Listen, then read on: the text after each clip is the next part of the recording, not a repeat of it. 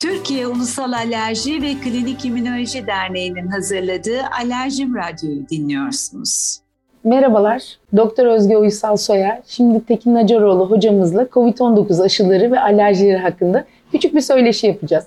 Tekin hocam, COVID-19 aşıları hangi hastalarda risklidir? Merhabalar hocam. Öncelikle e, COVID aşılarıyla ilgili olarak e, bizim 12 yaş ve üzeri öncelik yaptığımız hasta grubumuz 12 yaş üzeri ve çocuklarda onay aldı.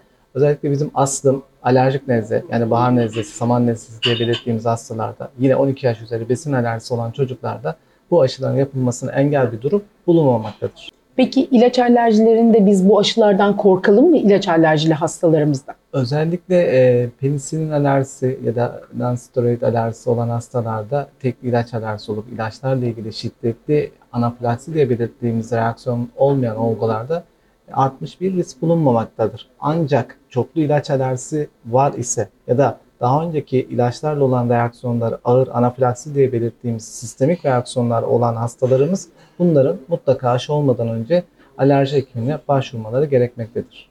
Peki özellikle ilaçlardaki hangi madde alerji için risk yaratır? Özellikle bu ilaçlarla ilgili olarak polietilen glikol duyarlılığı diye belirttiğimiz maddeye duyarlılığı olan ve bunları içeren ilaçlarla klinik reaksiyonu olan olgularda bu bizim Pfizer-BioNTech'de e, diye belirttiğimiz e, COVID aşılarındaki de bu madde bulunması nedeniyle çapraz reaktivite olabiliyor. O yüzden pek alerjisi olan hastalarımızın mutlaka aşı olmadan önce hekiminden görüş almaları gerekmektedir.